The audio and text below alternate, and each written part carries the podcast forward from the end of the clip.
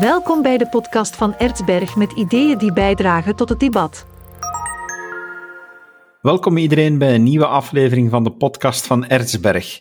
Mijn gast vandaag is Yannick Dujardin. Hij heeft het boek geschreven, De Mythes van de Toekomst. En als we het over toekomst hebben, ja, dan gaan we niet met een glazen bol werken, maar dan gaan we gewoon vragen stellen aan de persoon die het boek zelf heeft geschreven. Welkom Yannick. Dank je.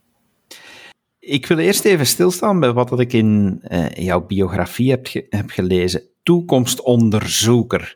Uh, ja, ik zei het al lachend in de inleiding, niet met een glazen bol, maar uh, ja, de toekomst onderzoeken. Ik neem aan dat jij toch wel geen teletijdmachine hebt, dus vertel mij eens, hoe onderzoek je nu zoiets als de toekomst? Dat is een hele goede vraag om mee te starten. Um, in België is het natuurlijk ook niet zo gekend, dus het is geen term die onmiddellijk uh, iets oproept. Um, in buurlanden is dat vaker wel het geval. In Nederland bijvoorbeeld is de term iets gekender. Daar bestaan er ook masterprogramma's rond, bijvoorbeeld. Maar um, wij werken inderdaad niet met de teletijdmachine, niet met een glazen bol en we werken ook niet rond toekomstvoorspellingen. Integendeel, het, het hele vakgebied vertrekt waarschijnlijk vanuit de vaststelling dat de toekomst, en zeker de verre toekomst, voor het grootste deel um, of volledig onvoorspelbaar is. Wat wij wel doen, is wij bestuderen uh, toekomstbeelden. Dus de toekomst op zich, ja, die bestaat nog niet. Vandaag hebben we alleen het heden. We hebben natuurlijk het verleden achter ons en we hebben de wereld waar we vandaag in leven, maar de toekomst, die is hier nog niet. We kunnen die dus niet observeren, we kunnen die niet empirisch gaan meten. Um, maar de toekomst bestaat wel al in onze hoofden. Dus in de vorm van uiteenlopende beelden over wat die toekomst zou kunnen zijn. En die beelden die beïnvloeden ons gedrag en onze acties in het heden, omdat ze anticipatie in de een of andere uh, vorm stimuleren. Dus een simpel voorbeeld is als je uh, op reis bent en je wilt terugkeren en je verwacht dat er op uh, de zondag veel file zal zijn, dan zal je misschien in de plaats daarvan de maandag vertrekken. Dus je reflecteert over een mogelijke toekomst en op basis daarvan pas je handelingen aan.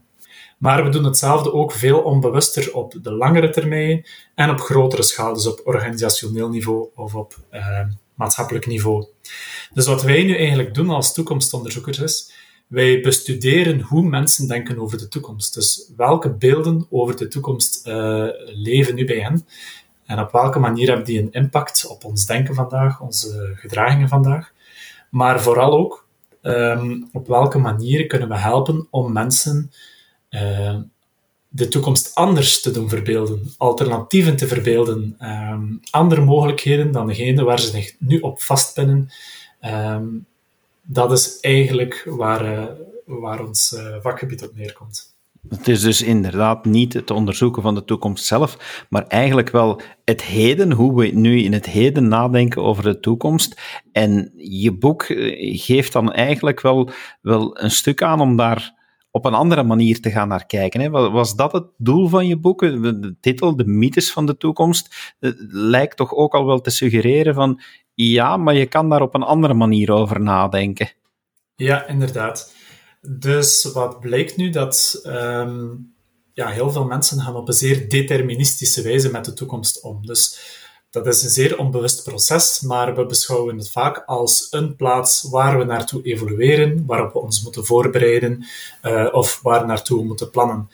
Maar dus opnieuw, de toekomst is uh, niet onvoorstelbaar, maar onvoorspelbaar. Dus de vraag is dan, is dat een, een goed idee om ons op, op, op dat soort deterministische beelden te gaan uh, fixeren? Vooral omdat als we spreken over de toekomst, als we denken over de toekomst, dan hebben we het altijd over veronderstellingen of assumpties van wat de toekomst zal zijn. We kunnen het niet zeker zijn. En heel veel van die assumpties of veronderstellingen zijn gebaseerd op een, op een wereldbeeld, een dominant wereldbeeld, waarmee we zijn uh, opgegroeid, waarmee we als samenleving zijn doordrongen, waarin dus heel wat aannames zitten over de mens en de samenleving en ook de toekomst van de mens en de samenleving um, waar vaak niet bewust bij wordt stilgestaan. Wat zijn die aannames? Uh, van waar komen die? Um, zijn dat ook de aannames van andere mensen? Zijn er andere aannames die we kunnen bedenken? Enzovoort.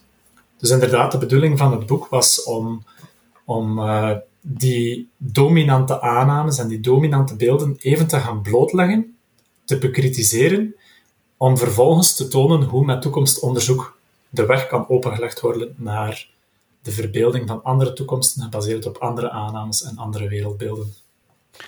Ik ga nu een beetje zeggen van hoe het voor mij voelde. Eh, dat, dat is gekleurd natuurlijk. Iedere lezer heeft natuurlijk een eigen indruk van het boek. Maar voor mij was het voor een stuk de ogen openen. Al in de zin van: oké, over de toekomst kan je nadenken, vertrekkende vanuit wat je nu allemaal weet. Maar dan beperken je het pad waar je naartoe gaat al voor een heel stuk. Dus aangezien de toekomst niet geschreven is, moet je ook veel meer van een wit blad vertrekken. Uh, en kan je anders nadenken over die toekomst? Kan je die dan ook anders vormgeven? En kan je dus andere dingen gaan bereiken? En dat was bij mij zo een beetje een eye-opener van: oké, ja, we moeten, of we kunnen alleszins onze verbeelding over die toekomst helemaal anders gaan gebruiken. Dat was het effect dat het bij mij had. Ja, ik denk dat dat een, een mooie samenvatting is. Um, dat was zeker een van de doelen vertrekken van een witblad en dan natuurlijk ook dat witblad wel gaan invullen, maar met veel meer beelden dan we oorspronkelijk hadden. Um, en uh, die veelheid aan, beelden die we voorheen niet hadden, kan helpen om ook vandaag een veelheid aan wegen en oplossingen te zien die we voorheen niet hadden. En dat is ook een beetje het vertrekpunt van het boek. Um, in het eerste hoofdstuk start ik met een analyse van een aantal structurele crisissen waarmee onze samenleving te kampen heeft. Uh, dus het is natuurlijk geschreven tijdens uh, de pandemie. Dus de pandemie is gebruikt als een kapstok. Uh, ik spreek daarover de, de gezondheidscrisis en de crisis van de gezondheidszorg. Maar toon ook aan hoe dat eigenlijk maar een symptoom was van een, een breder maatschappelijk probleem en dat we ook crisissen als klimaatverandering, raciale en economische ongelijkheid, kwetsbare distributieketens en zo verder, dat die eigenlijk allemaal terug samen te brengen uh, zijn tot, tot wat ik de, de dieperliggende ziekte van de samenleving noem. En dat is dan eigenlijk het wereldbeeld dat we de afgelopen 50 jaar, voornamelijk in het Westen, maar toch ook globaal gezien, gebruikt hebben om onze samenleving vorm te geven, die ons voor een deel tot bij die crisissen gebracht heeft. En de vraag was dus, kijk, wat is dat wereldbeeld precies? welke aannames over de mensen en de maatschappij zitten daarin? hoe hebben die een invloed op, uh, op ons denken over de toekomst? En dus ook, uh, welke invloed hebben die op de oplossingen die we kunnen verbeelden om uit die crisissen te raken? Want opnieuw, dus van de toekomst hebben we enkel onze verbeelding. Hoe kunnen we andere manieren verbeelden om uit die crisis te raken dan degene die we nu zien of, of bedenken? Om dat met naam te noemen, het gaat daarbij voor een heel stuk, als je zegt wat ons tot hier gebracht heeft, zeker in de westerse wereld, dat is het neoliberalisme. En daar schrijf jij eigenlijk over van oké, dat heeft ons tot hier gebracht, maar dat hoeft niet de weg te zijn die we verder volgen. Durf daaruit losbreken. Dat, dat is eigenlijk toch wel een zeer activistische oproep die, die ook in je boek inzet. Ja, het is een vrij activistische oproep, um, dat klopt. Uh, en dat is natuurlijk mijn uh, personal touch aan het boek. Dus het is niet zo dat uh, toekomstonderzoek in essentie altijd activistisch is, maar dat is toch zeker de invulling die ik eraan geef. Um, het is daarom dat ik ook beschrijf in het boek dat ik het hier vooral heb over kritisch toekomstonderzoek. Dus toekomstonderzoek die zich ook wel in de kritische denkschool bevindt. Dus in de sociale wetenschappen heb je de kritische school. Het is toch ook vooral daaruit um, dat ik vertrek voor dit boek. Ik heb ondervonden dat het eh, in alle eerlijkheid, en, en, sorry dat ik het ook zeg, dat het, dat het niet altijd even makkelijk is om, als je het, als je het leest, om jezelf te dwingen van oké, ik moet dit loslaten.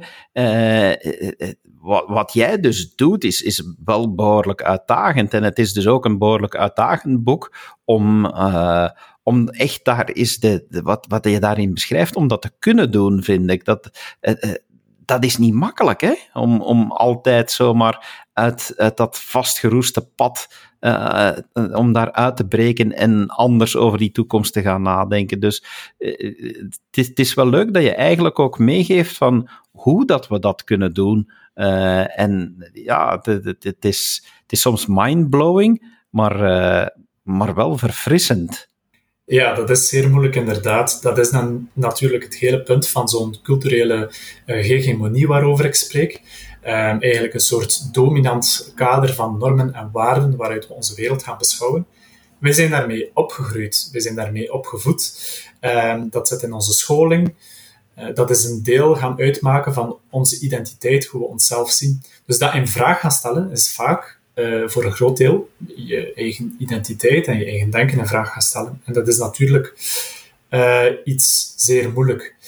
En ik heb geprobeerd om, om in het boek inderdaad in het laatste hoofdstuk eigenlijk aan te reiken hoe we dat met bepaalde technieken uh, proberen te doen in toekomstonderzoek. Um, en dit is nu uitgelegd in een boek.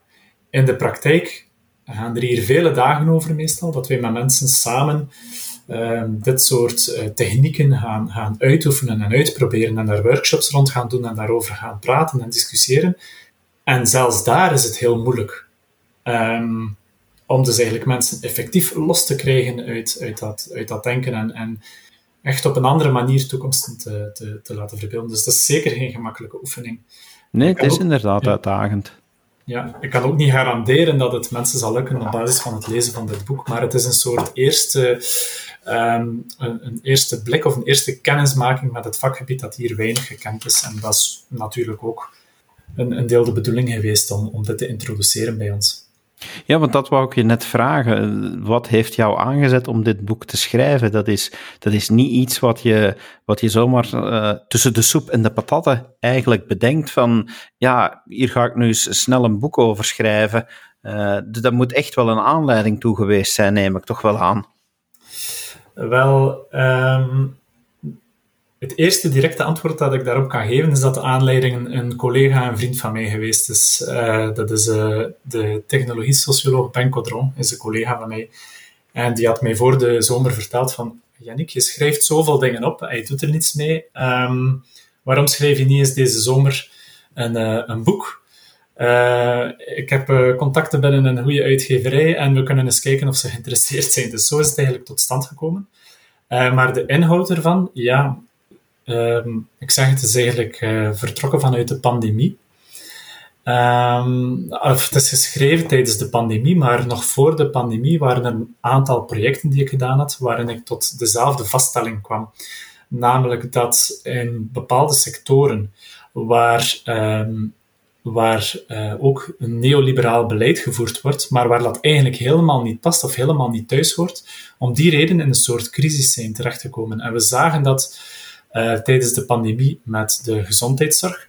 Um, maar het project waar ik het over heb, was dan specifiek in de culturele, in de culturele sector, waar ze een, een soort van standstill ervaarden, omdat ze, um, ja, om, omdat er eigenlijk een beleid werd gevoerd die, die hen nog weinig ruimte biedt om, om, om tijd en aandacht te besteden aan die, aan die creatieve bodem.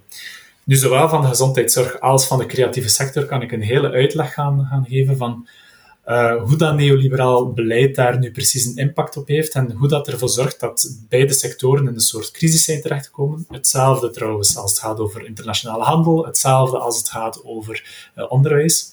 Maar ik zal dat misschien hier niet doen, want natuurlijk staat die uitleg in het boek. Ik wou net zeggen, niet te veel vertellen. Van, wij willen ook nog dat het boek verkoopt. Ja, wel nee, dus vandaar, uh, ik weet niet. Ik weet niet of, of, of er interesse is om, om daar bepaalde dingen van. Uh, nee, maar uh, wat, wat mij nog wel boeit is, in, in het begin daarnet zei je van, ja, toen ik je vroeg naar, naar wat doet een toekomstonderzoeker, dan, dan zei je ook van, ja, dit is hier bij ons niet zo bekend.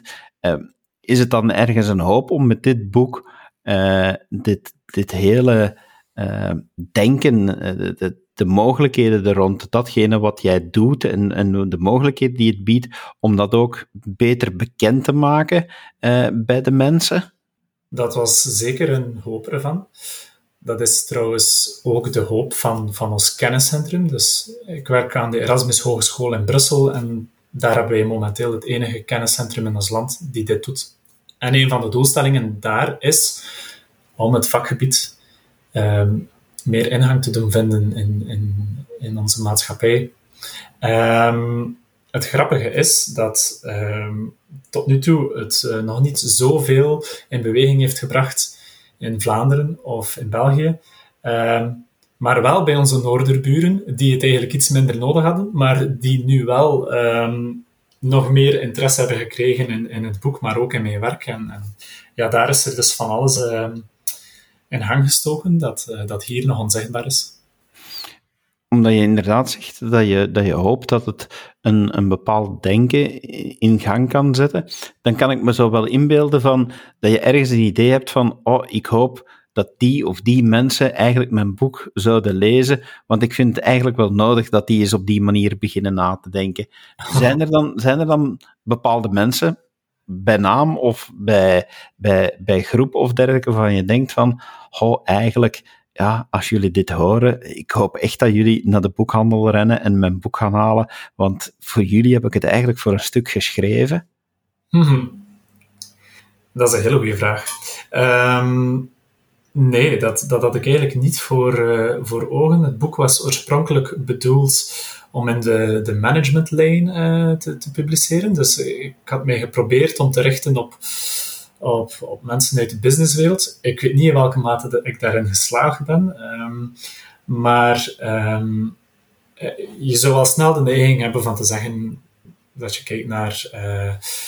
Publieke figuren, opiniemakers, politici en zo verder, om dit op te pikken.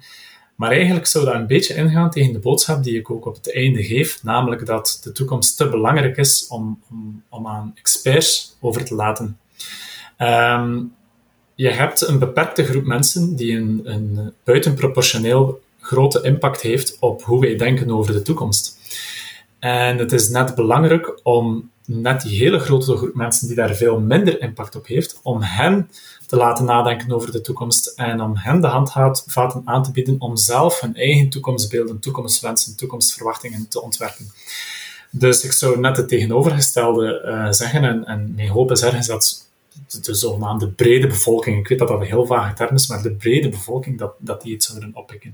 Um, maar heel specifiek zou ik het fantastisch vinden moest, uh, moest iemand bij um, de, de VRT of een andere media outlet uh, of journalisten het oppikken, want um, dat zou natuurlijk ja, een, een, een, gemakkelijke manier zijn om dat soort denken direct ingang te doen vinden uh, bij ons. En dat zien we dus ook in Nederland, waar ik, uh, waar ik voor de VPRO heb geholpen om een aflevering voor tegenlicht te schrijven en te presenteren.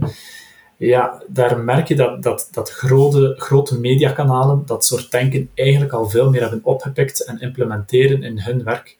En dat zien we hier nog niet. En dat zou ik dus al een fantastische stap vinden. Dat zou inderdaad al een, al een heel leuke stap zijn, want ja, je hebt nu al wat ervaringen opgedaan. Het boek is al een paar maanden uit. Uh, dus ik neem aan dat je toch wel al reacties hebt gekregen. Uh, hoe zijn de reacties eigenlijk? Hoe, welke feedback krijg je op je boek?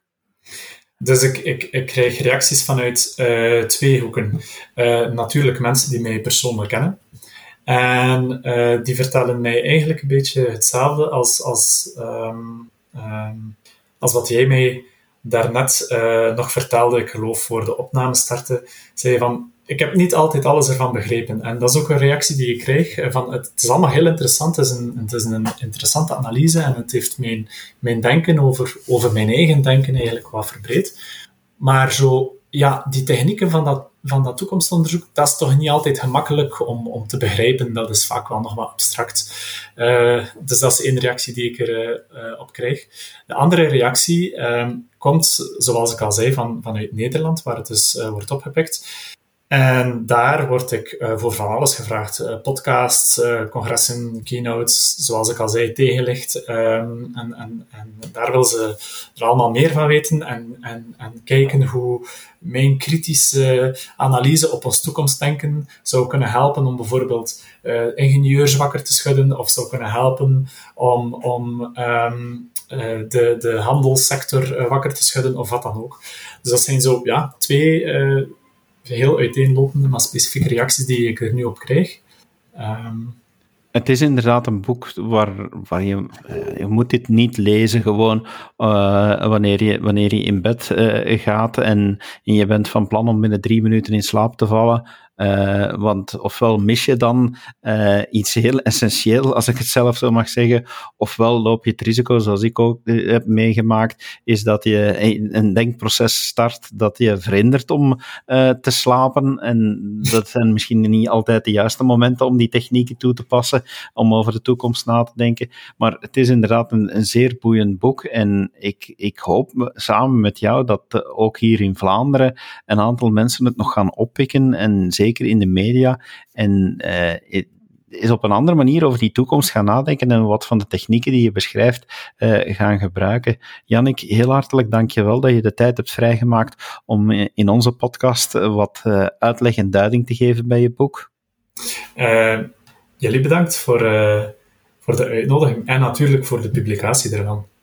Het is een boeiend boek, het draagt bij aan een zeer interessant debat en dus past het echt wel in de Erzberg-collectie. Dus wie het nog niet gelezen heeft, de mythes van de toekomst, eh, zeker aanrader, eh, zeker nog altijd te krijgen eh, op onze website en bij de betere boekhandel. Eh, lees het op een moment dat je even de tijd hebt om je geest echt vrij te laten en eh, de, de tijd te nemen om de technieken die erin beschreven staan toe te passen. Het levert een verfrissend beeld op uh, van de toekomst en de mogelijkheden die er wel degelijk nog zijn. Dank u wel om te luisteren en heel graag tot een volgende keer.